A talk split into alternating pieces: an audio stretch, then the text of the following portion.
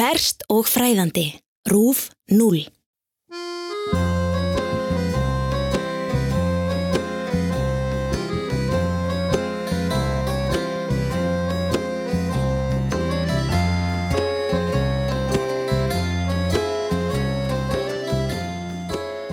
Það var skömmu eftir miðnetti. Sólinn var löngu horfin og komið niða myrkur en sumar hittinn láð þó enni í loftinu þegar ókunnugur maður lættist bakdýra megin inn í timburhús á tveimur hæðum í kirlátum bandarískum smábæ.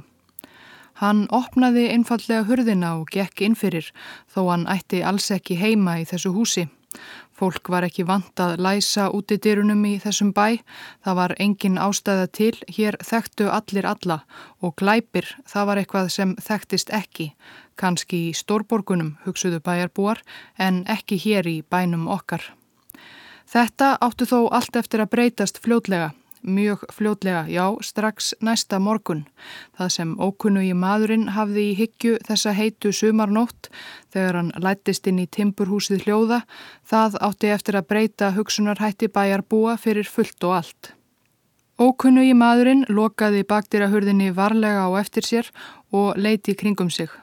Það var niða dimt en eftir stuttastund, þegar augun höfðu vanist myrkrinu, kom hann auga á það sem hann var að leitað.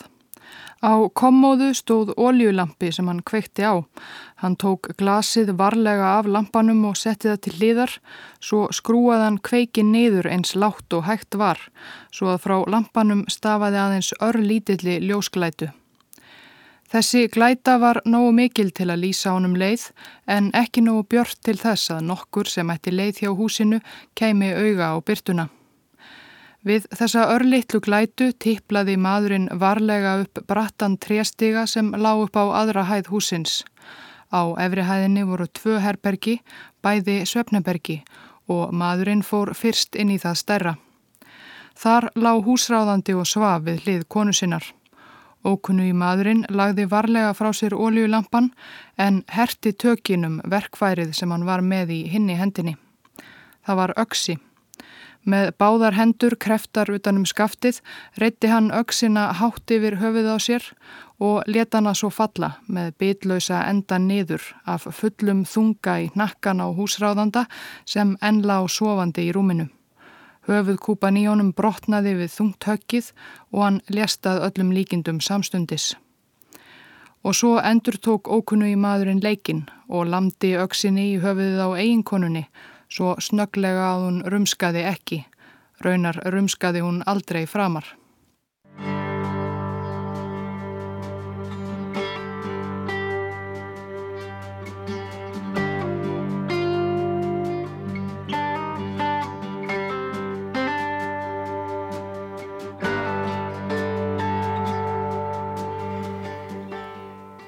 Þessi saga gerist í smábænum Villiska í Æjóvaríki í Bandaríkunum árið 1912. Villiska er lítill og ekki sérlega merkilegur bær í hæðóttu landslægi Suðvestur Æjóva um 140 km frá ríkis höfuðborginni Des Moines. Árið 1912 voru íbúar Villiska um 2000 talsins, þetta var kirlátur og snotur bær og íbúarnir flestir ágætlega stætt millistéttarfólk. Einn mesti efnamaður bæjarins var kaupsíslumadurinn Josiah Moore, kallaður Joe. Hann seldi landbúnaði vörur til bændana í nákrenni Villiska og í landbúnaðaríki eins og Æjóva var hægt að stór hagnast á slíkum viðskiptum. Með hagnaðinum af fyrirtæki sínu hafði Joe Moore keift eitt stærsta og reysulegasta húsið í Villiska. Kvítt timburhús á tveimur hæðum sem stóð á hortni sjötta og annars strætis í austurluta bæjarins. Fallegt hús með snirtilegri verönd og blómlegum gardi.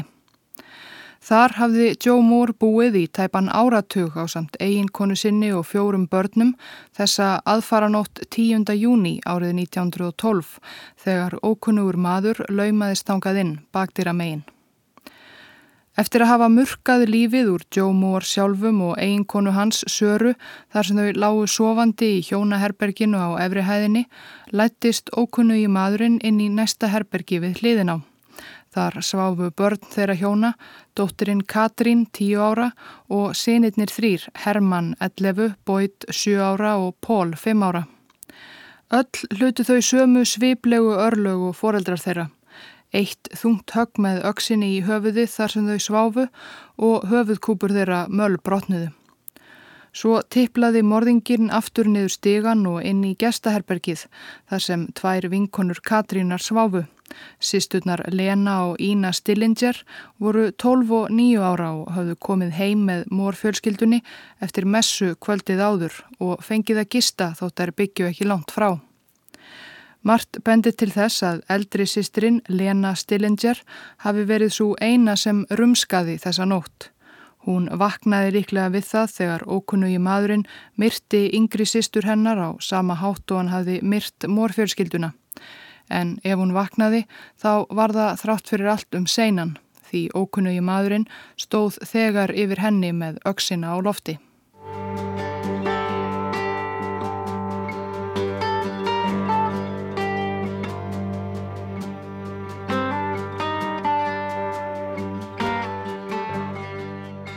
Það kann að vera einhverjum huggun að þó að mór hjónin, börnin þeirra fjögur og Stillinger sísturnar tvær hafi öll verið myrt á hróttalegan hátt þessa nótt í júni 1912 þá hafi andlát þeirra allra þó borið mjög snögglega að.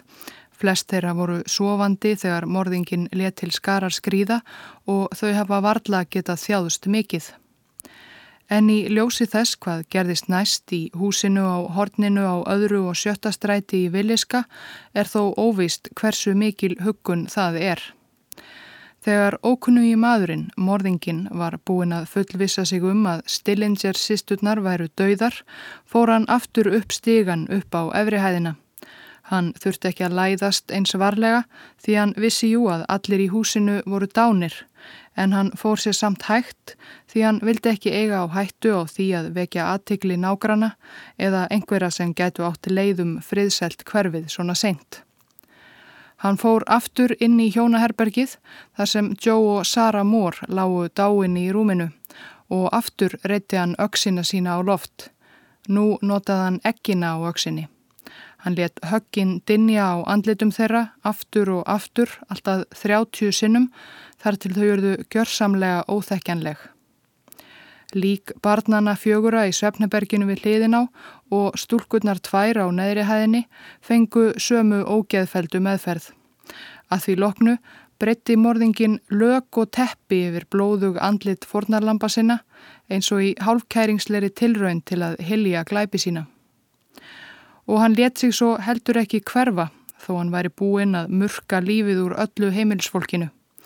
Allt bendir til þess að hann hafi staldrað við í húsinu, dvalið þar í einhver tíma enn, einhverjar klukkustundir jafnvel og síslað þar ímislegt.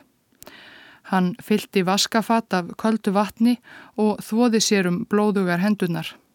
Svo fór hann um allt húsið og hengdi tuskur og dölur yfir hvern einasta speil í húsinu eins og hann hafi af einhverjum ástæðum ekki kert sig um að sjá speilmynd sína og á einhverjum tímapunkti opnaði hann fristikistu húsins og sótti þangað þykka sneið af beikoni um kílóa þyngt.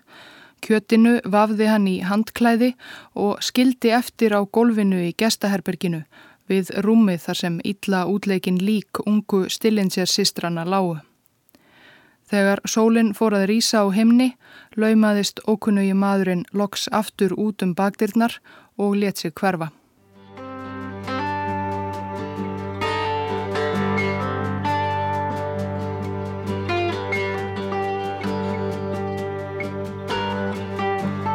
Það var nágranni sem fyrstur tók eftir því að ekki væri allt með feldu nokkrum klukkustundum síðar þegar farið var að líða á morgunin og hann hafði ekki orðið var við neitt lífsmark á heimili mórfjölskyldunar. Það var meira en lítið óvenjulegt. Börnunum fjórum á heimilinu fylgdi yfirleitt nokkur skarkali. Nágrannin ringdi í Ross Moore, bróður Joe og bað hann að aðtuga málið. Ross var fljótur á staðinn og hlifti sér sjálfum inn í hús bróður síns. Hann kom jafnharðan hlaupandi út aftur, hrópandi á einhvern að kalla á laurugluna. Það var augljóst að eitthvað hryllilegt hafði átt sér stað á heimili bróður hans. Von Bráðar var lauruglustjórin í Villiska mættur á staðin á samt prestinum í kirkjubæjarins og lækni. Og þeir voru ekki þeir einu því það barst fljótt um bæin að eitthvað væri á seiði við morhúsið. Fyrir framann húsið sapnaðist saman fjöldi forvitinna og óttastlegina bæjarbúa sem lauruglustjórin og föruneyti hans gatt litla stjórn haft á. Í Guðs bænum drengir, sagði læknirinn við mannfjöldan þegar hann kom út úr húsinu slegin. Í Guðs bænum farið ekki þarna inn, þeir eigið eftir að sjá eftir því alla ykkar tíð. En bæjarbúar hlustuðu ekki á læknin. Forvitnin varð ofan á og á næstu klukkustundum ættu meira en hundrað manns óhikað inn á heimili mórfjölskyldunar, virtu fyrir sér blóði drifin vettvangin og ítla útleikin óþekkjanleg lík fjölskyldumæðlima sem enn lágu í rúmum sínum. Fólkið gekk jafnvel svo langt að fara að krukka í líkum nýlátina nákvæmna sinna því einhver eða einhverjir tóku brot úr höfuðkúpu Joe Moores til handargagns eins og minnjagrip um þennan fólkskulega glæp.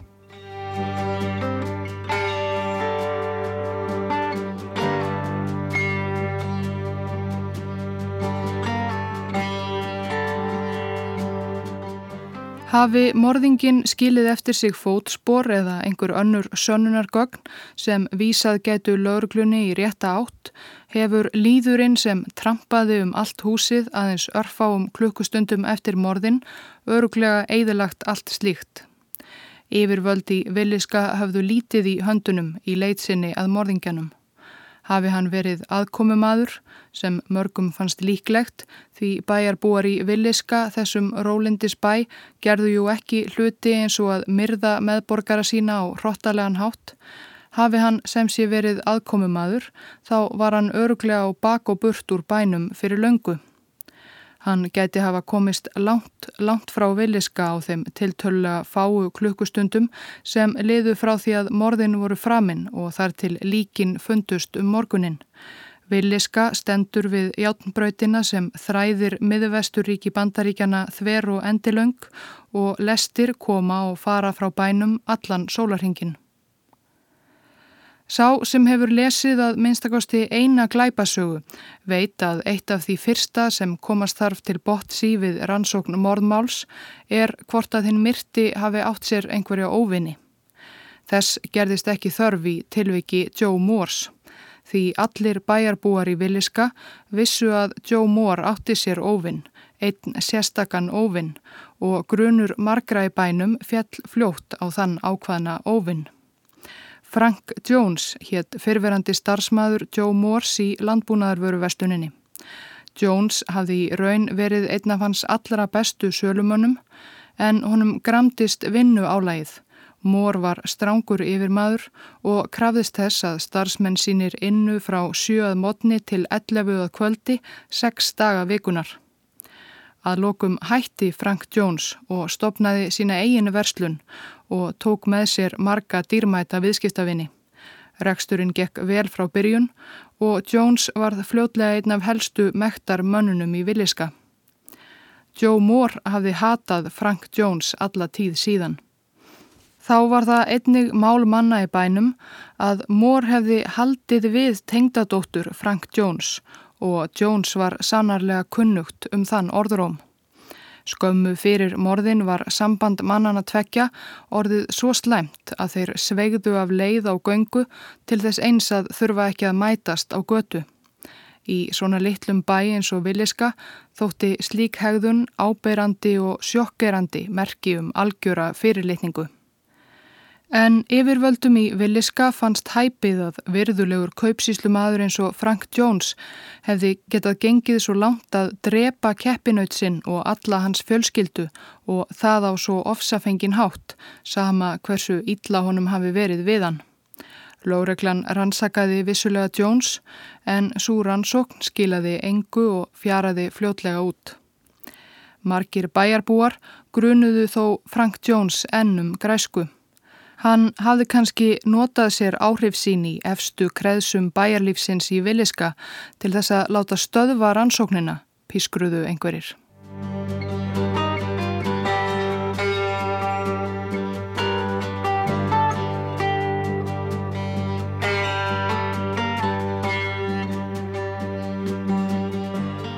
Eftir að Frank Jones var strikaður út af lista grunaðra í málinu fjall grunur fljótt á annan mann. George Kelly var englendingur sem búið hafði í bandaríkunum í nokkur ár. Hann sá fyrir sig sem predikari og flakkaði um miðvesturíkinn. Í predikunarstólnum var hann mikill eld og brennisteins klerkur en þar fyrir utan þótti hann taugaveiklaður og skrítinn. Fólk grunaði að hann ætti jafnvel við einhver alvarleg geðræn vandamálað stríða. Þá var sagt að hann hefði óeðlilegan áhuga á ungum stúlkum og stundaði það jafnvel að gæjast á glukka og njóstna um stúlkur sem voru að búa sig undir háttin á kvöldin. Þessi gallagripur hafi verið í villiska nóttina sem morðin voru framinn en farið með morgunlestinni skömmu áður en líkin fundust. Hann hafi farið í sömu kvöldmessu og mórfjölskyldan satt kvöldið áður en þau voru öll myrt. Hafði hann kannski fengið augastað á dætrum mórhjónana þar og eld fjölskylduna heim, leið í leini og látið svo til skarar skrýða um nóttina. George Kelly var lítill og væskilslegur, ekki nema tæpir 160 cm og varla 60 kíló. Svo það var hæpið að hann hefði getað framið þessi hryllilegu morð, sögðu Eva Sendarmenn, gatan yfirleitt lift exi. En það var þó ímislegt fleira sem benti til þess að hann gæti verið segur. Skömmu eftir morðin hafði hann látið vöndul af blóðugum fötum í hreinsun í öðrum smábæ í Æjófa og gömul hjón myndust þess að hafa talað við Kelly í morgunlestinni frá Viliska morgunin eftir morðin. Predikarinn hafði þá minnst á að hræðilegur glæpur hafi verið framinn í Viliska en það var áður en líkin fundust og fregnir af morðunum bárust út. Það var ómögulegt að hann hafi getað vitað af morðunum þá án þess að hafa sjálfur komið þar á einhvern hátt við sögu. Bæjarbúar í Villiska ólu grunnsemdir í gard predikarans George Kelly í brjósti sér í mörg ár. Árið 1917, fimm árum eftir morðin, var Kelly svo loks handtekinn og kviðdómur kallaður saman í bænum sem sker átti úrum sekt hans í eitt skipti fyrir öll. En þá var komið annað hljóð í strokkin, öllum að óvörum. Gömlu hjónin sem í mörg ár hafðu sagt hverjum sem hlýða vildi af samtali þeirra við George Kelly í morgunlestinni frá Villiska morgunin 10. júni 1912 dróðu nú allt í einu framburð sinn tilbaka. Þau hafðu alls ekki átt þessar samræður og George Kelly hafði sannarlega ekki minnst á neitt hræðilegan glæp. Við þetta hrundi málið gegn George Kelly svo að af tólf kviðdómendum treysti á endanum aðeins eitt sér til að lýsa hann sekan. Kelly var því úskurðaður saklaus og var frjáls maður. Hann let sig hverfa frá villiska eins fljótt og hann gatt og engin veit hvað um hann varð síðan.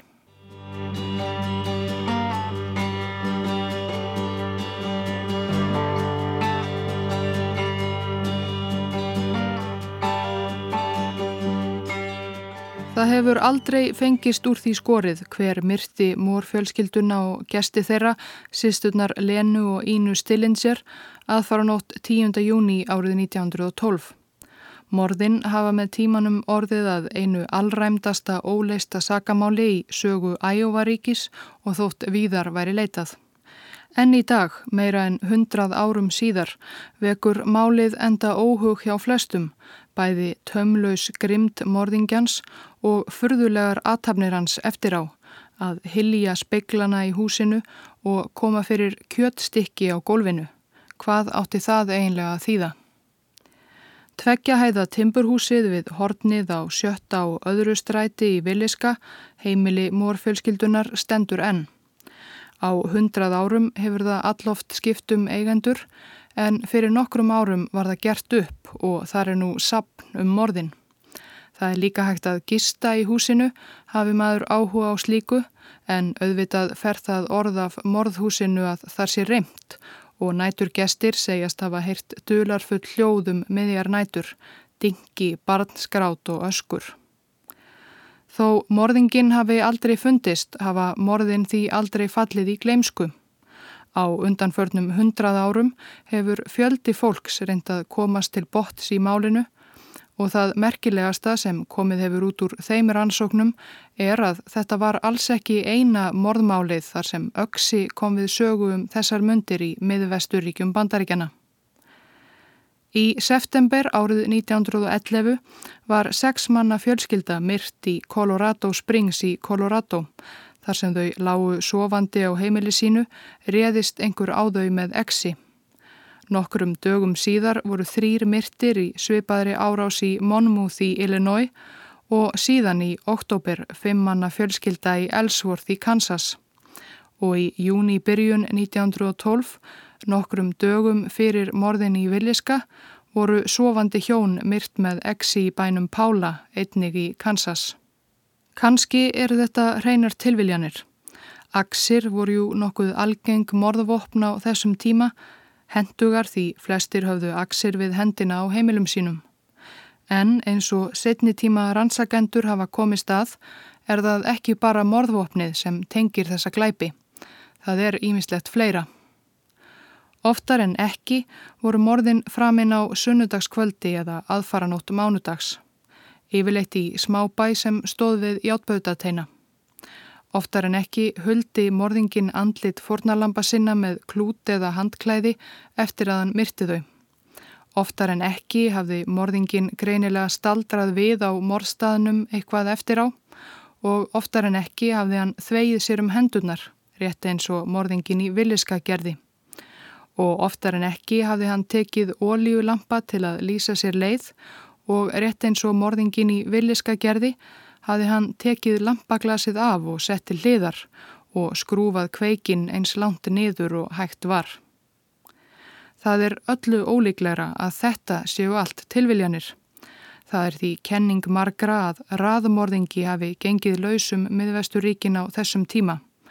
Kanski verið hálgerður flækingur, flakkað hingað og þangað um borði í lestunum og framið hróttaleg morð í bæinum þar sem hann staldraði við og kannski jafnvel flakkað víðar því áhuga mennum þessi fræði hafa síðan einnig fundið heimildir um svipaða glæpi norðar í bandaríkunum í Washington og Oregon og líka eftir morðin í Villiska allt fram til ársins 1914. Ef þessar kenningar eiga við rökað styðjast er þarna vafa lítið um að ræða einn af afkastamestu og grimmustu raðmorðingum í sögu bandaríkjana og allra verst er auðvitað svo staðreind sem leikur í augum uppi, hann komst undan.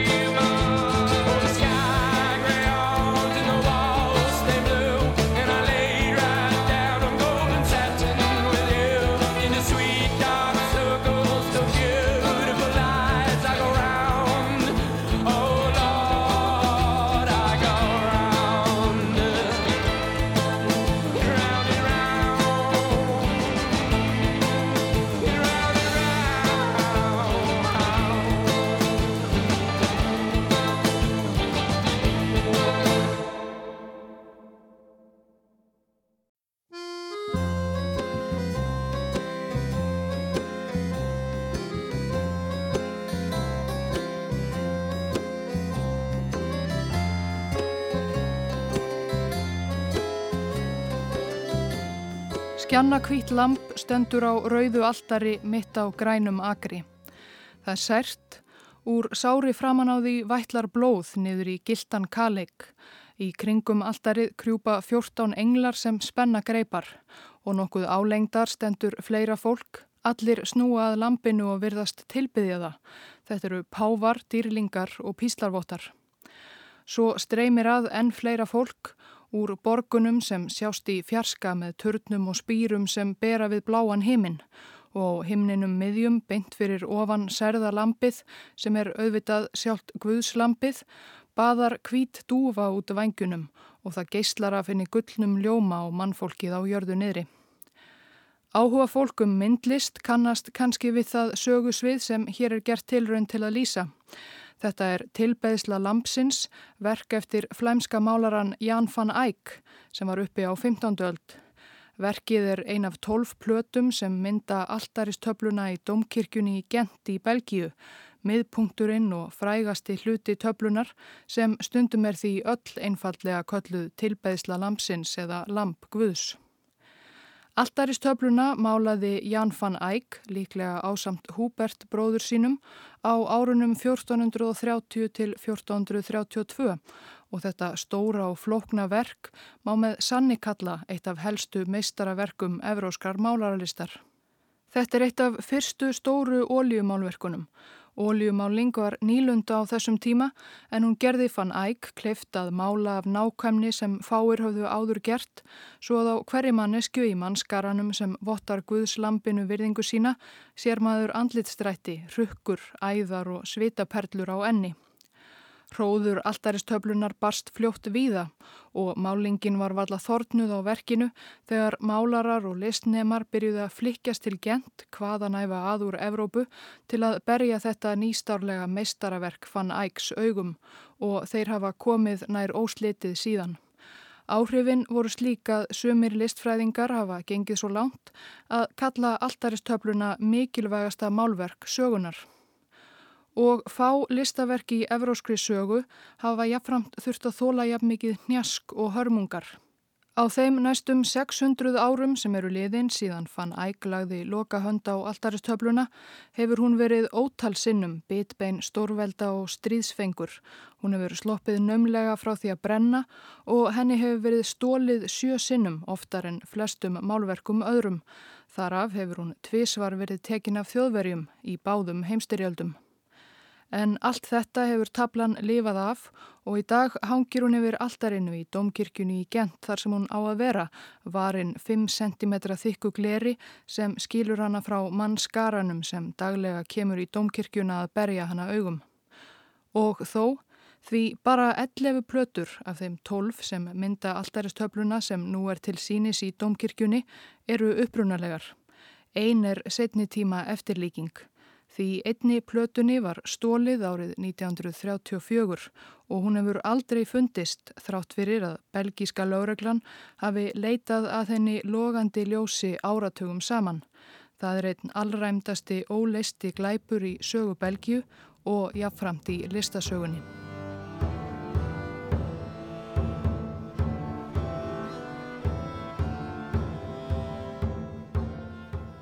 Þann 11. apríl árið 1934 braud lauruglustjórun í Gent, Anton nokkur Lausterborgs, sér leiði í gegnum mannfjölda sem hafi sapnað saman fyrir utan Dómkirkju borgarinnar sem kent er við frankverska dýrlingin Bavó, verndar dýrling Gent.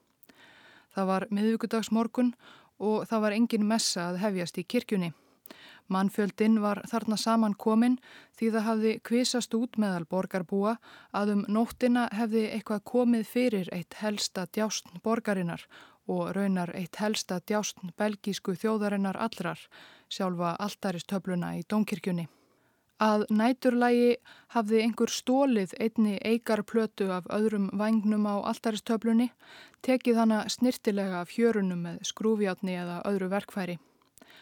Stólna platan skiptist reyndar í tvo hluta, ytri og innri, sem voru sínilegar eftir því hvort alltaristablan var opinn eða lokuð. Hún var yfirleitt bara opnuð á helgidögum.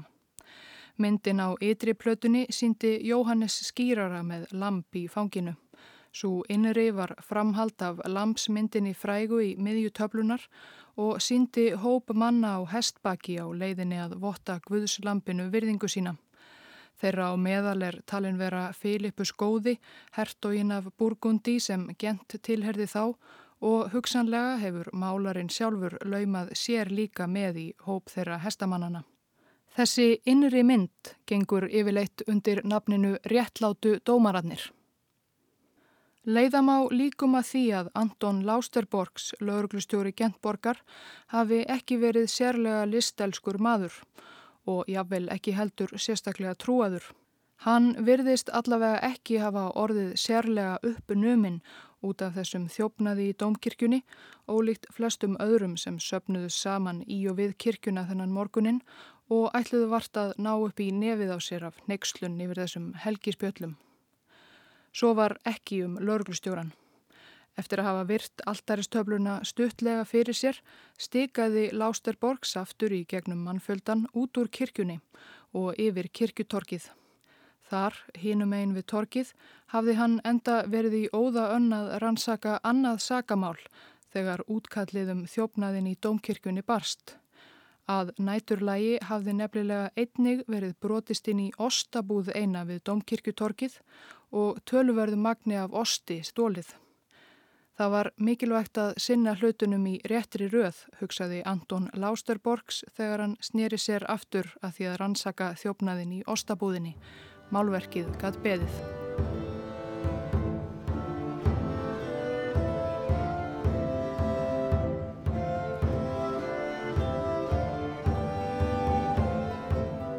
Það fylgir því miður ekki sögunni hvort að þjófnaðurinn í ostabúðinni á Dómkirkutorkinu var nokkuð tíman upplýstur. En það virðist allt jænt að var runnið fljótlega upp fyrir Lásterborg lauruglustjóra og undirmönnum hans í lauruglunni í Gent að það var reyndar nokkuð brínt að rannsaka þjófnaðin í domkirkjunni og endur heimta stolnu töflunar úr alltaristöflunni. Það var jáfnvel mikilvægara en að koma upp um þjófnað á heilmiklu magni af osti. Þjófnaðurinn vakti fljótt aðtikli um allt land og utan landsteinana einnig enda um hluta af einu frægasta málverki heimsað ræða og ríkistjórn Belgíu lagði áherslu á að málið yrði upplýst sem fyrst. En lögreglan í Gent gatt samt lítið aðhafst. Vísbendingar um orðlög stolnu plötunar voru mjög fáar, í raun engar. Þjófurinn hafði komist óséður inn og út úr kirkjunni að fara nótt 11. april með fengin dýrmæta. Engin sönnunargögn fundust á vettvangi þjófnaðarins sem varpað getu ljósi á málið, engin fótspor og engin fingraför. Fjölmarkar ábendingar bárust reyndar frá almenningi sem hafði mikinn áhuga á málinu en ekkert gagn reyndist í neittni þeirra. Það var því ekki fyrir en rúmum þremur vikum eftir þjófnaðin sem nokkuð skrið komst á rannsóknina í fyrsta sinn. Það var þá sem biskupnum í Gent, Monsignor Honore Jósef Kopiters, barst velritað bref á frönsku í látlausu ljósgrænu umslægi. Monsignor, okkar eru þau forritindi að tjá yfir að við höfum í vörslu okkar málverkinn 2 eftir Fan Eyck sem var stólið úr domkirkjunni í Borgiðar. Við erum á þeirri skoðun að það sé betra að skýra yfir ekki frá því hvaða dramatísku atbyrðir urðu til þess að við komumst yfir þessar perlur. Það gerist á svo ruglingslegan hátt að einungis einn okkar hefur vitnesku um það hvar það dýrmætara af þessum tveimur verkum er gengt. Þessi staðrend er það eina sem þér ættu að hafa áhyggjur af því í henni eru fólknir hrollveikjandi möguleikar. Við bjóðumst til þess að afhenda yfir málverkinn tvö eftir þessum skilirðum. Fyrst gefum við yfir myndina af Jóhannesi. Eftir að þér hafið fengið hana í hendur látið þér manneitt sem við gefum þér upp heimilisfangið hjá fá eina miljón belgískra franka í 90-10.000 franka seðlum og 100.000 franka seðlum. Peningarnir verða pakkaðir inn í brúnan pappir og pakkin innsiglaður með innsigli biskupstæmisins. Við gerum okkur grein fyrir því að upphæðin sem við krefjumst er há en eina miljón má vinna sér inn á nýjan leik en málverk eftir Fan Eyck verður aldrei málað aftur.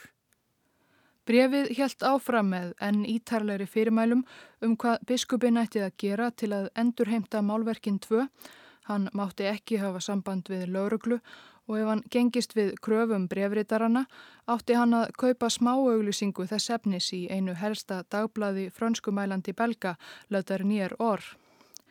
Undir brefið ritaði svo einhver eða einhverjir sem kölluði sig D.U.A. Þrátt fyrir varnaðarorð brefritara hafði Kopiters biskup engu að síður fljótt samband við laurugluna og innan skams voru æðstu yfirvöld komin í málið þar á meðal dómsmálar á þeirra og ríkis saksóknar í Belgíu. Þeir þvertóku fyrir að borga lausnarfjöð. Ein miljón frankar var sveimandi há uppæð á þessum tíma, sérstaklega í kreppu. Og þeir reyndu að fá biskupin til að prúta við þjófana með því að taka út hverja smáauðlusinguna og fætur annari í laternier orð. Það gekk illa. Næstu vikur barst biskupnum í gent fjölda brefa frá þjófinum þar sem hann kvatti hann eindreið til að fara að fyrirmælum sínum. Í einu brefinu fylgdu leiðbeiningar um að aðtuga ákveðið geimsluhólf á norðurlestarstöðunni í Brussel og þar fundu lauruglumenn svo annað stolnu málverkana, vafiðin í svartan vakspapír. Það var myndin af Jóhannesi skýrara. Þjófurinn verðist af að ákveðið að láta helming þývisins af hendi, kannski til að sanna að hann væri sá sem hann segðist vera og sína að hann stæði við orðsín. En það vantaði enn hittverkið, hinn helmingin. Og bref heldu áfram að berast frá þjófinum út sumarið og fram á haust. Þjófurinn held áfram að krefjast miljónar franka fyrir réttlátu dómarana en biskupin held áfram að reyna að prúta. Í þrettánda brefinu sem var sendt í oktober skrifar sá sem kallar sig D.U.A. að hér sé komið að leiðarlokum. Hann hvaðst búin að missa þólinnmæðina, hann hafi gert allt sem í sínu valdi stóð til að bjarga réttlátu dómurunum en sögum þrósku biskupsins séða um seinan. Þrettánda brefið var það síðasta sem barst. Sá sem kallaði sig D.U.A. þagnaði en þó að myndin af Jóhannesi skýrara væri komin á sinn stað á alltaristöfluna vantaði hann hinn helmingin réttlátu dómarana. En reyfing komst ekki aftur á málið fyrir en tveimur mánuðum síðar og þurfti þá sveiplegt andlát til.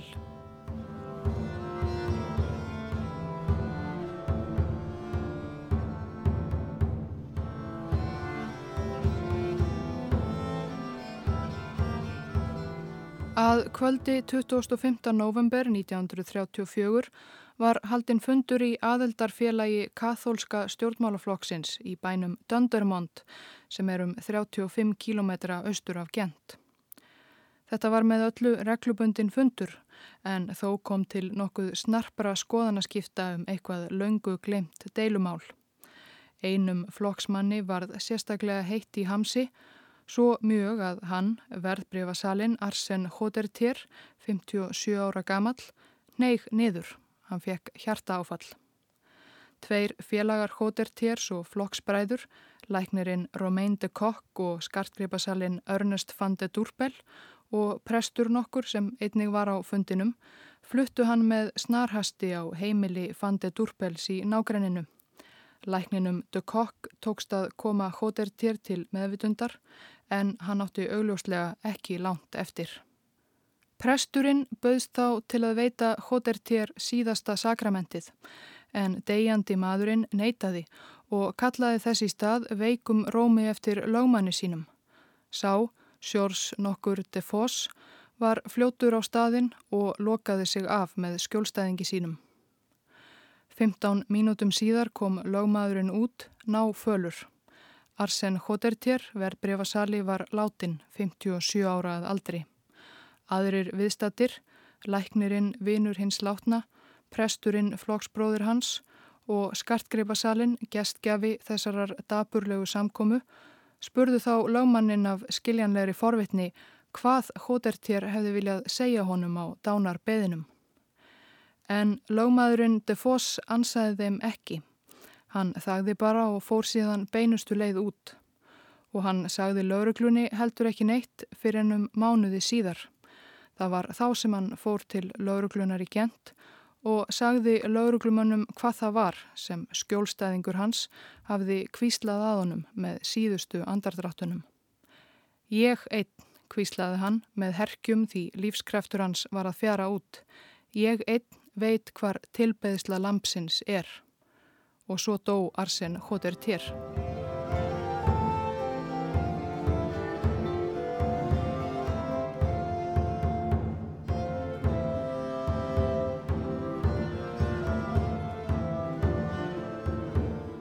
Þetta var fyrsta haldbæra vísbendinginum afdrif réttlátu dómarana, stolna verksins sem lauruglunni í gent hafði borist vikum saman.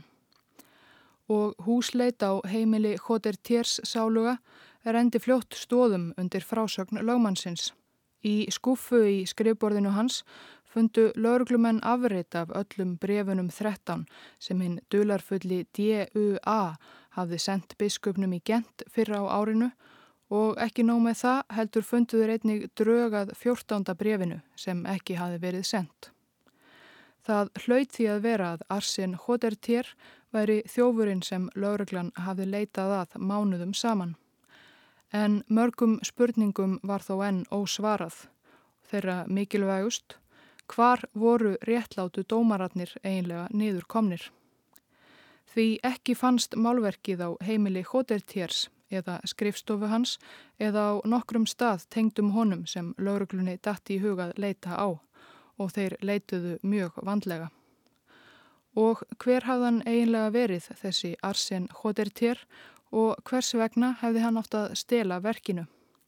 Það var jafn lítið um svör við þeirri spurningu þegar laurugla grenslaðist fyrir um personu Hodertiers og fortíð. Arsen Hodertier hafði numið málaralist við konunglega listaskólan í Döndarmond áður en hann snýri sér að verðbyrjábransanum og þótti ágætur málari. Hann hafði sérstakt dálæti af því að mála kirkjur. Hann hafði hagnast vel á verðbyrjunum og vanhagaði ekki um peninga. Það var erfitt að ímynda sér hvers vegna hann hefði átt að leggja á sig svo háskalegan gjörning eins og að ræna einu dýrmætasta listaverk í Belgiu til að krefjast lausnargjalds. Hann átti fyrir meira en miljón franka á bankabókinni. Þá var hann stráng kathólskur og tók virkan þátt í starfi kathólska stjórnmálaflokksins í Belgiu sem á kirkustarfi. Hann hafði sjálfur stopnað kathólsku góðgerðasamtök og fannst því flestum sem þekktu hann hæpið að hann hefði kosið að stela frá kirkjunni. Eitt og annað týndu lauruglumenn þó til sem virtist benda til sektar hans, þó það væri mis samfærandi. Egin kona Hodertiers hvaðst ekkert vita um málið, en játaði þó við yfirheyslur að maður hennar hafi haft mikinn áhuga á þjófnaðinum á réttlætu dómurunum og oft rætt málið við hana og aðra. Þá hafi hann verið áhuga maður um leinilaurglusögur og átti stort sapn slíkra bóka. Hann var sérstaklega hrifin af sögum franska reytöfundarins Maurice Leblanc um meistaraþjófin Arsène Lupin. Hafði Arsène Hodertier ef til vil hrifist einum of af þessum nafna sínum veldu lauruglumenn fyrir sér af fullri alvöru og viljað spreita sig sjálfur á ránum og röpli. En allar þessar vangaveltur skiptu í raun litlu máli því hverki fannst málverkið sem H.R.T. átti að hafa stólið. Réttlátu dómaratnir voru gufaðir upp.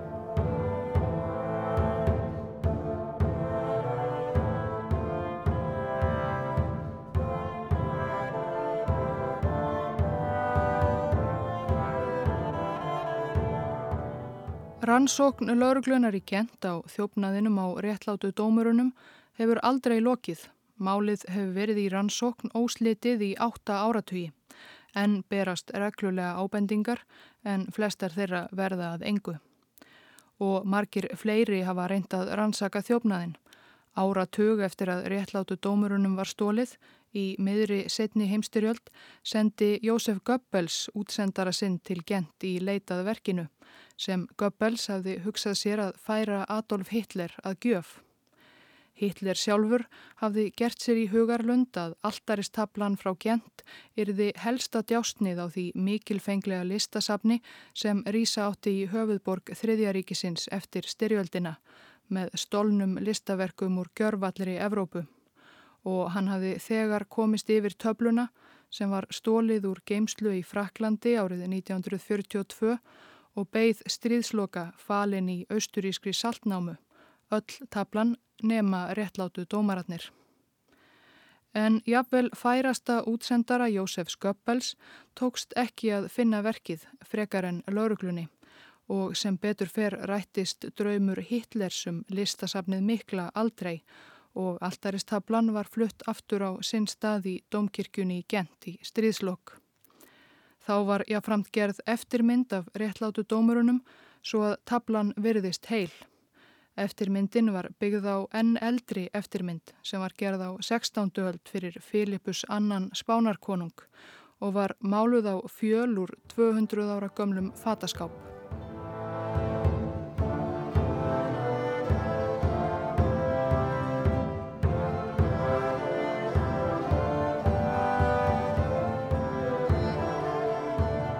Karel Mortier gengdi ennbætti lauruglustjóra í Gent frá 1974 til 1991.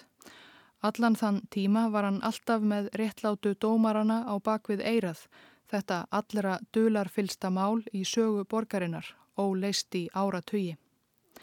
Það urðu þó engar framfarir í málinu á ennbættistíð Karels Mortiers en eftir að hann fór á eftirlaun hefur hann einbeitt sér að því að reyna að komast til botts í málinu og hann hefur sínar kenningar. Mortier telur þannig óhugsandi að þjófurinn hafi verið einnað verki að jafnvel þó að Arsén Hodertier sé segur hljóti hann þá að hafa átt sér vitórðsmann. Alltaristablan hafi hangið svo hátt yfir alltarinu að óhugsandi sé að þjófurinn hafi náðað hrifsa til sín Jóhannes skýrara og réttlátu dómarana án þess að notast við stiga og vitórsmann til að halda stiganum föstum. Og Mortier er einnig handvisum að sá vitórsmaður hafi verið einn af fjórum kirkjuvörðum í Dómkirkjunni sem vissu hvar stiga var að finna og hafðu likla til að ná í þá. Mortier fekk aðgangað skjölum um alltaristöfluna frá katholsku kirkjunni. Það voru 600 síður, allt gagnasapn kirkjunar um þessa dýrmætu eign sína. Já, það er að segja öll gögn fyrir utan skjöl frá árunum 1934 til 1954. Þau vildi kirkjan af einhverjum ástæðum ekki að Mortier fengi að skoða. Það er því kannski ekki að undra að Karel Mortier hefur með tímanum orðið þess handvis að kirkjan viti meira en hún lætur uppi um þjófnaðin á réttlátu dómurunum og hann telur jafnvel að kirkjunar menn hafi sjálfur verið á bakvið allt saman. Kanski í slagtói við hinn digga katholeika Arsen Hodertier eða kannski hann hafi bara verið eins konar blórabökull. Hvers vegna veit hann ekki hvaða haghefði kirkjan átt að hafa af því að stela eigin verkum og krefjast síðan lausnargjalds og hvers vegna að halda þá leinimakkinu áfram enn þann dag í dag. En það er eitthvað þarna sem stemmir ekki. Og Karel Mortier viðurkennir að afar ólíklegt sé að hann muni nokkuð tíman fá um þetta skorið en það er hann komin hátt á áttræðis aldur. Það er enn svo ótal mörgum spurningum ósvarað.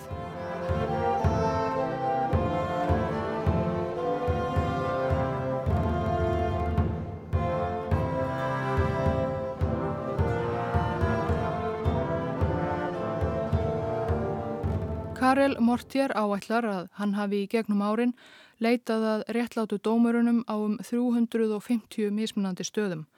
Alltaf auðvitað án þess að finna nokkuð.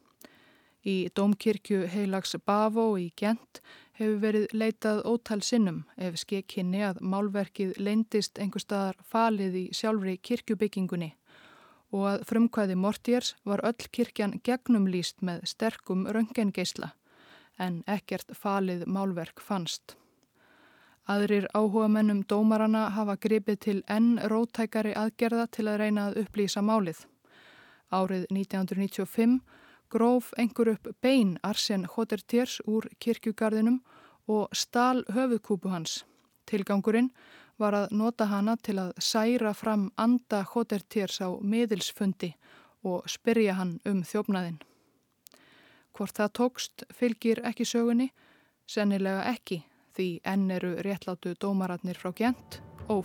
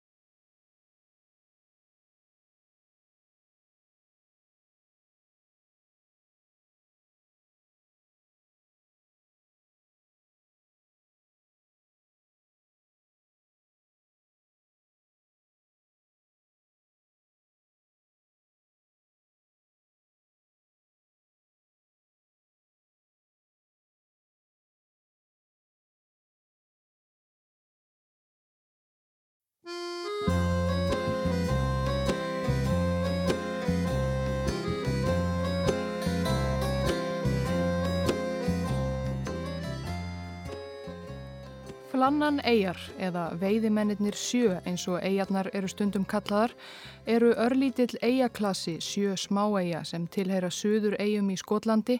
Þær eru meðal hinn allra istu, hinn að svo kalluðu ytri söður eigja og eru um 30 km vestur af eigunni Lewis sem er stærst ytri söður eigja. Flannan eigutnar sjö eru saman lagt um 60 hektarar. Það þýðir að þær eru allar saman örlítið stærri en Engei, næst stærsta eigan í Kollafyrði, en langt um minni en Viðei. Nokkrar þeirra eru grösugar en flestar eigarnar, ef eigar skildi kalla, eru varla meira en holmar eða sker sem rýsa upp úr norður Allandshafi.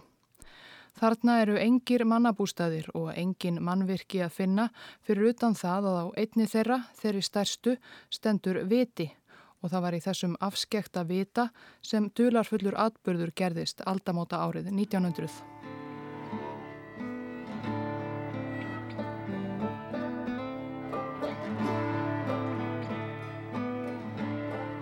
Það var að kvöldi 15. desember árið 1900 sem gerði mikið rók í nágræni Flannan eiga.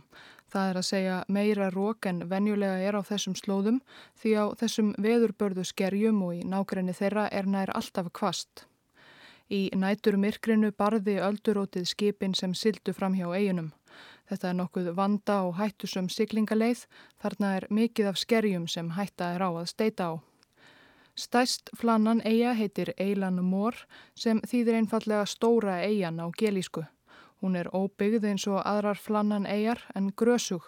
Af og til færðu suðureiskir bændur kindur sínar þangað á beitt en flestum hefur vafalaust þótt það of mikil fyrirhöfn. Eigan er sæbrött girt þvernýftum klettahömrum. Nokkrum árum áður en þessi saga gerist hafði loksverðið hafist handa við það þjóðþrifaverk að byggja vita á eilanum mór. Bygging vitans tók meira en fjögur ár. Það var hægara sagt en gert að reysa mannvirki á borðið vita á svo afskektum og erfiðum stað. Bygging vitans tafðist hvað eftir annað vegna þess hver erfitt var að koma byggingarefnum til eilanum mór og umfram allt vegna hins nær stöðuga kvassviðrið sem geisaði á og við eiguna. Vitin var loks tilbúin síðla árs 1899. Hann stendur á hæsta punkti Eilan Mór um 80 metrum yfir sjávarmáli og er 23 metrar á hæð til samanburðar má nefna gróttu viti í Reykjavík sem byggður var halvri öld síðar er 24 metrar á hæð. Vitin var og er eina mannvirkið á Eilanum Mór nema ef telja skildi með rústir ofur lítillar steinkapellu hinum einn á eigunni sem sagan segir að Írski biskupinn og dýrlingurinn heilagur Flannan hafi hlaðið með eigin höndum þegar hann kuhafa dvalið á eilanum mor á sjöunduöld en Flannan eigar eru síðan nefndar eftir honum. Fyrir utan hann, ef hann kom þá nokkuð tíman til eigana sem bera nafn hans í raun og veru, þá eru vitaverðirnir á eilan mór, þeir einu sem þar hafa dvalið langtvölum. Fyrir þá þrjá vitaverði sem voru í vitanum að staðaldri var þetta því gífurlega einangraður dvalarstaður. Það var engin leið fyrir þá að hafa samband við umheiminn nema í gegnum frumstætt merkjakerfi. Vitaverðirnir gáttu þegar mikið lág við hýft upp merkjafána við vitan. Fánarnir áttu að sjást frá næstu byggðubólum á ytri suðuregjum en þó einungis þegar skiknið var sérstaklega gott og það var auðvitað alls ekki alltaf.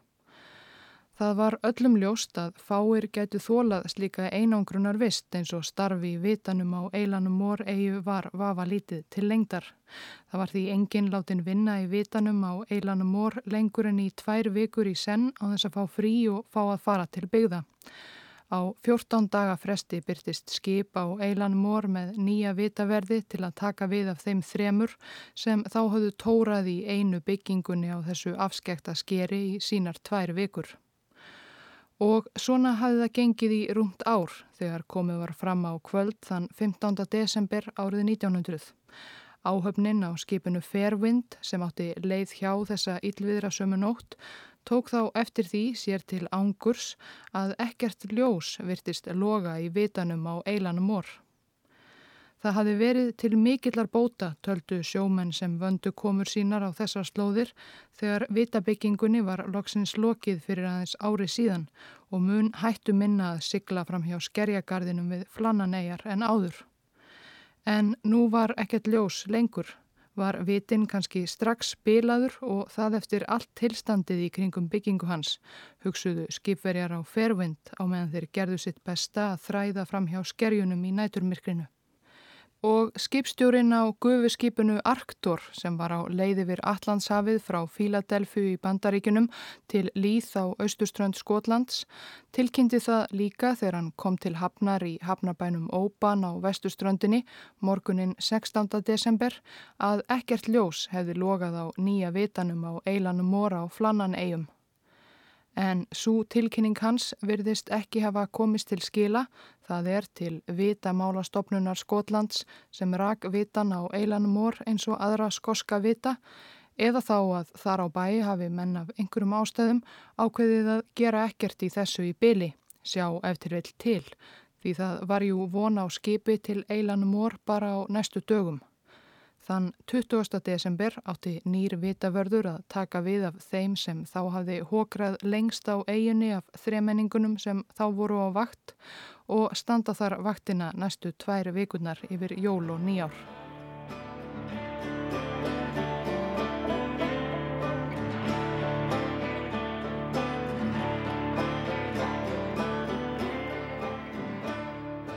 Mennirnir þrýr sem þá dvöldu í vitanum héttu James Ducat, Thomas Marshall og Donald MacArthur.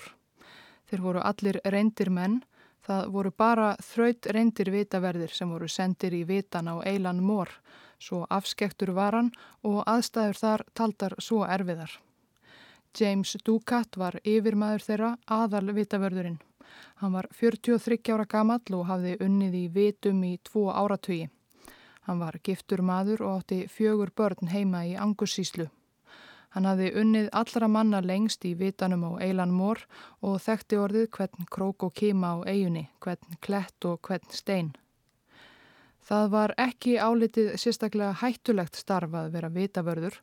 Það var aðalega einveran og einangrunin sem gerðu það erfitt en vinnuslis og manntjón meðal vitavarða voru á þessum tíma sjálfgef. Engu að síður var James Ducat nokkuð uggandi þegar honum bauðst fyrst starf aðalvita varðar á Eilan Mór. Veður ofsinn á þessum slóðum var sérstaklega óvægin og ef eitthvað kemi upp á væri hann óra langt frá mannabegðum í litlu sem engu sambandi við umheiminn. Hann var fjölskyldumadur Ef eitthvað kemi fyrir erðu kona hans og fjögur börn eftir allslaus, saði Dukat við yfirmenn sína hjá Vitamálastofnun þegar honum bauðst fyrst starfið á eilanum vor. En stopnuninn vildi endilega fá hann þölu reyndan mannin og að lokum let James Dukat undan og tók að sér starf aðalvitavarðar á eilanum vor á flannan eigum. En það hefði hann betur látið ógert.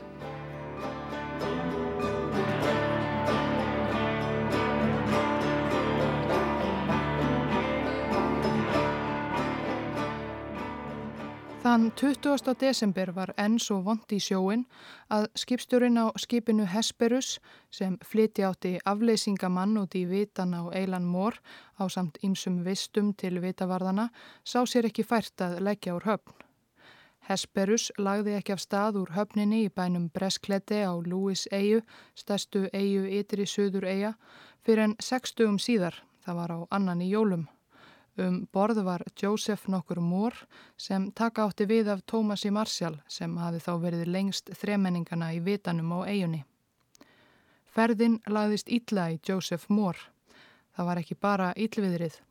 Mór hafi hirt fregnir af því að ljósið á vitanum á eilan Mór logaði ekki og þó að vitamálastofnun virtist hafa förðulitlar áhyggjur af því fannst Mór það sannarlega óþægilegt.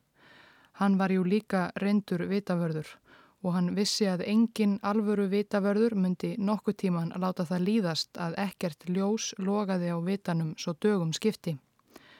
Það lættist í aðonum einhver yllur grunur og hann var erðarlaus á sjóferðinni stuttu út í flannan eigjar, stikaði fram og aftur á þilfari hesperusar og borðaði ekki með öðrum skipverjum. Það var augljóst á hátterni hans að hann bjóst við hinnu versta.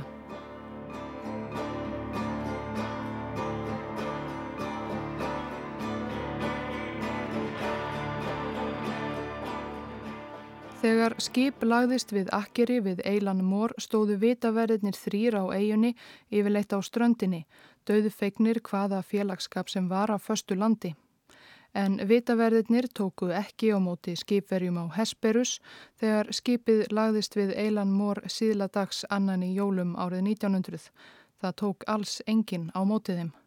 Það voru engir tómir byrðakassar á ströndinni sem byðu þess að verða fylltir af vistum úr lestum skipsins og engin fáni blakti við vitana og eilan mór eins og vanin var þegar von var á skipi til eigarinnar. Sá ítli grunur sem hafi fyllt Joseph Moore um borði í Hesperus alla leiðina til eigarinnar varð bara verri og verri. Mór klöngraðist fyrstur skipverjana upp brattan uppgangin í áttað vitanum Hann kallaði á kollega sína en enginn ansaði. Inni í vitanum virtist allt vera eins og það átti að vera. Það var snirtilegt um að litast í fábreytilegum vistarverum vitavarðana, búið að búa um rúmin og vaska upp leirtögið, potta og pönnur. Í öskustóni var köld aska. En vitaverðinir sjálfur voru hverki sjáanleir. Það var engin lifandi vera í vitanum. Það var eins og þeir hefðu búið snirtilega um og tekið til og haldið svo af stað en það var auðvitað ekki langt sem þeir gáttu farið á þessari ofurlittlu eigu. Þeir virtust einfallega hafa gufað upp. Við nánari aðtugun sáu skipverjar á Hesperussi að tvö pör af stígvilum og sjóklæðum vitavarðana voru horfin en eitt par var eftir. Hafðu tveir vitavarðana farið út í sjóklæðunum en sá þriðji ánþeira. Að fara út án sjóklæðana var óðsmanns æði í því veðri sem verið hafði á flannan eigum undanfarna daga og vikur. Þar að auki gekk það þvert á allar reglur vitamálastofnunar að allir þrýr vitaverðinir yfirgæfu vitan samtímis.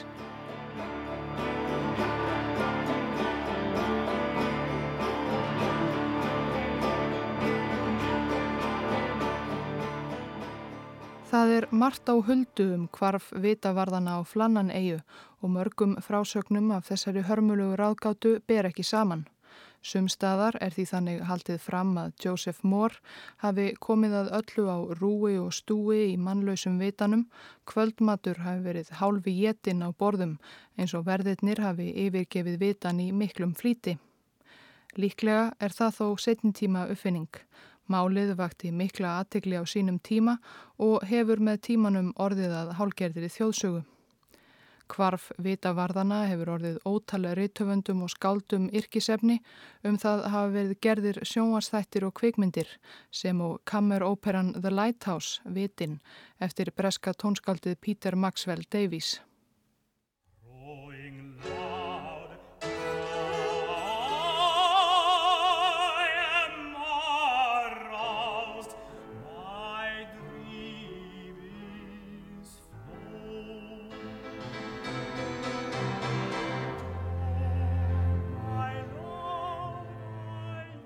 Í mörgum bókum og öðrum umfjöllunum um vitaverðina á Eilan Mór er vitnað í dagbók vitavarðana þar sem þeir rituðu á hverjum degi stuttlega um veður skilirði og verkefni dagsins.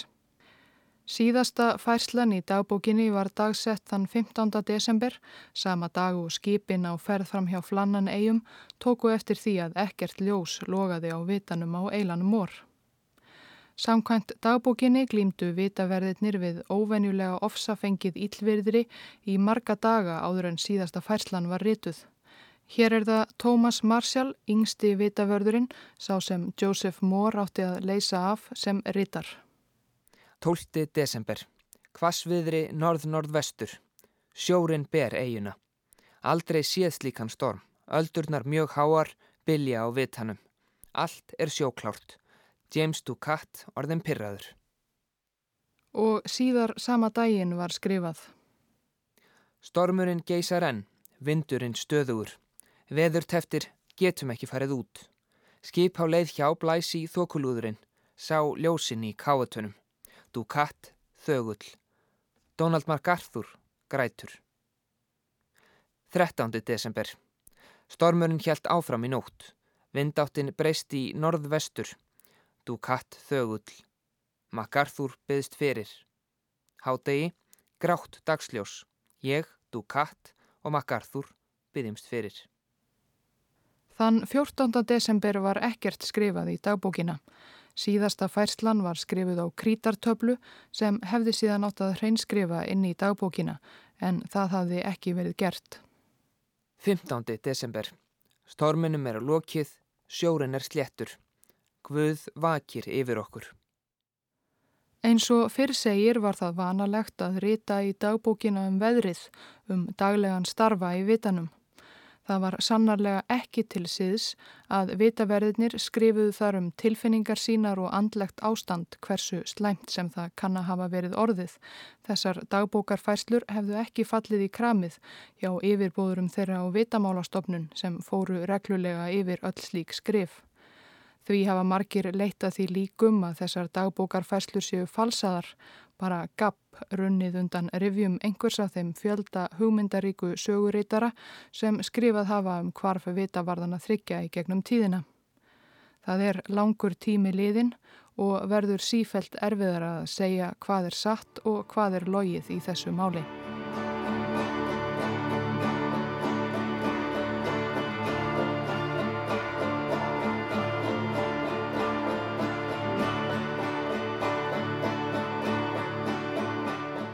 Það sem víst er, er að Joseph Moore, afleysingavitaverði og öðrum skipverjum á Hesperusi þótti það mjög óþægilegt, í raun hryllilegt að koma að vitanum á Eilan Moore gjörsamlega mannlausum. Það var deginum ljósara að eitthvað hræðilegt hliti að hafa gerst á eigunni. Skipstjórin á Hesperusi tók þá ákverðun að flýta sér aftur í land með þessi válegu tíðindi en Joseph Moore varð eftir á mannlausir í eigunni á samt tveimur sjómanum. Þeirra verkefni var að koma vitanum í lag eins fljótt og auðið væri því enn voru jú skip á ferðum úvinn sjóin við flannan eigar. Að kvöldi 27. desembers sendi skipstjórin á Hesperusi símskeiti til vitamálastofnunar. Hræðilegt slis á flannanegjum. Vitaverðirnir þrýr, Ducat, Marshall og MacArthur eru hornir. Þegar við komum síðdegis voru engin merki um lífa á eiginni. Mór fór upp í vitan og fann engan. Klukkurnar voru stopp og allt bendir til þess að slísið hafi orðið fyrir rúmur í viku. Auðmingja mennirnir hljóta að hafa fókið af klettunum eða druknað. Nóttinn nálgæðist og við gáttum ekki beðið lengur til þess að komast að örlugum þeirra. Mór og tveir sjómenn örðu eftir til að kveikja á vitanum. Í gegnum tíðina hafa komið fram ótal kenningar um afdrif vitavarðana á Eilan Mór. Hafði óveðrið hrifsað á tilsýn eins og skipstjórin á Hesperusi heldur fram í símskeiti sínu. Eða hafði eitthvað ennþá hræðilegra átt sér stað á eigunni. Menn hafa velt fram þeim möguleika að kannski hafi einn vitavörðurinn snúist gegn félögum sínum. Kannski hafi runnið á hann einhvers konar æði Það þarf ekki að hljóma svo ólíklega með að við þær einangruðu og erfiðu aðstæður sem vitaverðinir byggu sannarlega við. Kanski hafi eitt þeirra sem sagt myrt hina, hendim svo í sjóin og stitt sér sjálfur aldur. Og auðvitað hafa svo verið settar fram fleiri kenningar um að eitthvað yfirnáttúrulegt geti hafa átt sér stað á eigunni að huldu fólk sem sagan segir að hafist við á flannan eigum, já eða þá geimverur hafi numið mennina á brott. Nú til dags þykir jú engin leindardómur fullkomnaður fyrir en búið er að kveðja til geimverur sem skýringu.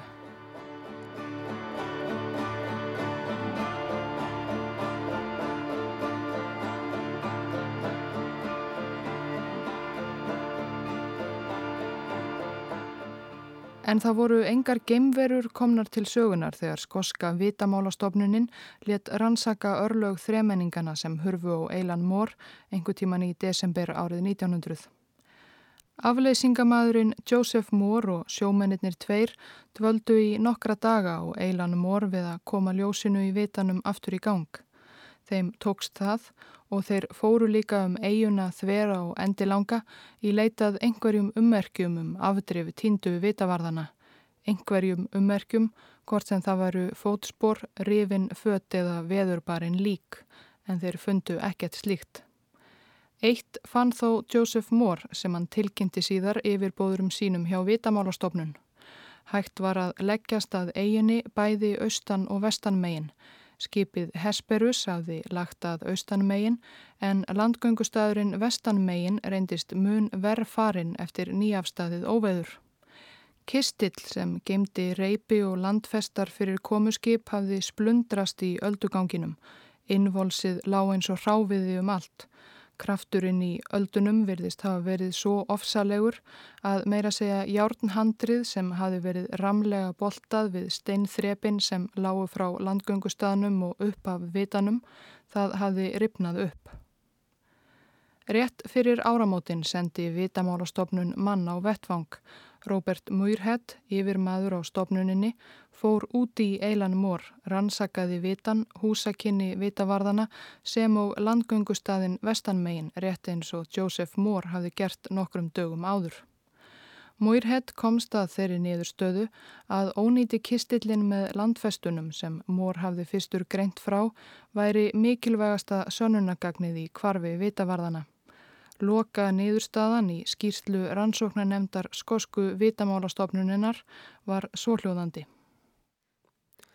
Eftir að ég hef rannsakað þau sönnunargögn sem mér tókst að sapna á eiginni er ég vissum að mennirnir voru á vakt fram að kvöldmatt á laugardaginn 15. desember og að þeir hafi síðan farið út til að reyna að ganga tryggilega frá kassanum sem geimdi landfestarnar og var geimdur í sprungu í klettinum vestanmegin um 34 metra fyrir ofan sjávarmál og þá hafi risavaksinn alda ætt fram af gífurlegum krafti og hrifið mennina með sér. Þar með var þeirri rannsókn lokið og örlög vitavarðana á Eilan Mór formlega upplýst allavega að mati vitamálastofnunar Skotlands. Eftir stóðu ekkjur vitavarðana þryggja og börn og sár minningin um eitt mannskæðasta slis í sögu vitavörslu á Skotlandi.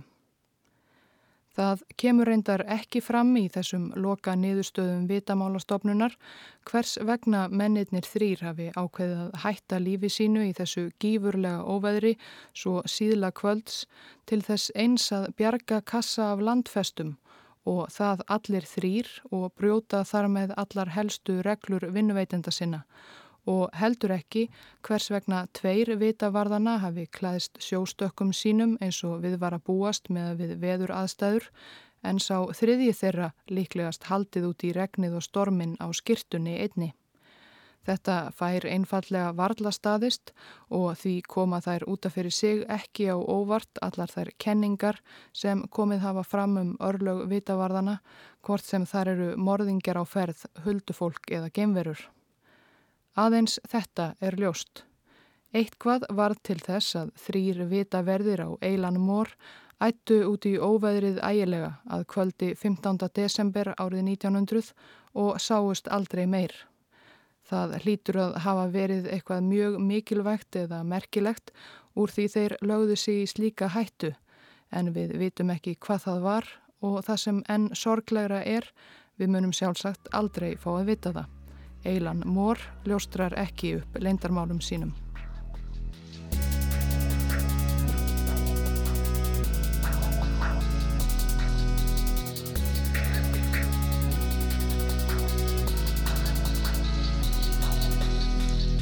The day our house collapsed I went downstream. I followed the swans like I follow my dreams. Oh I was living on borrowed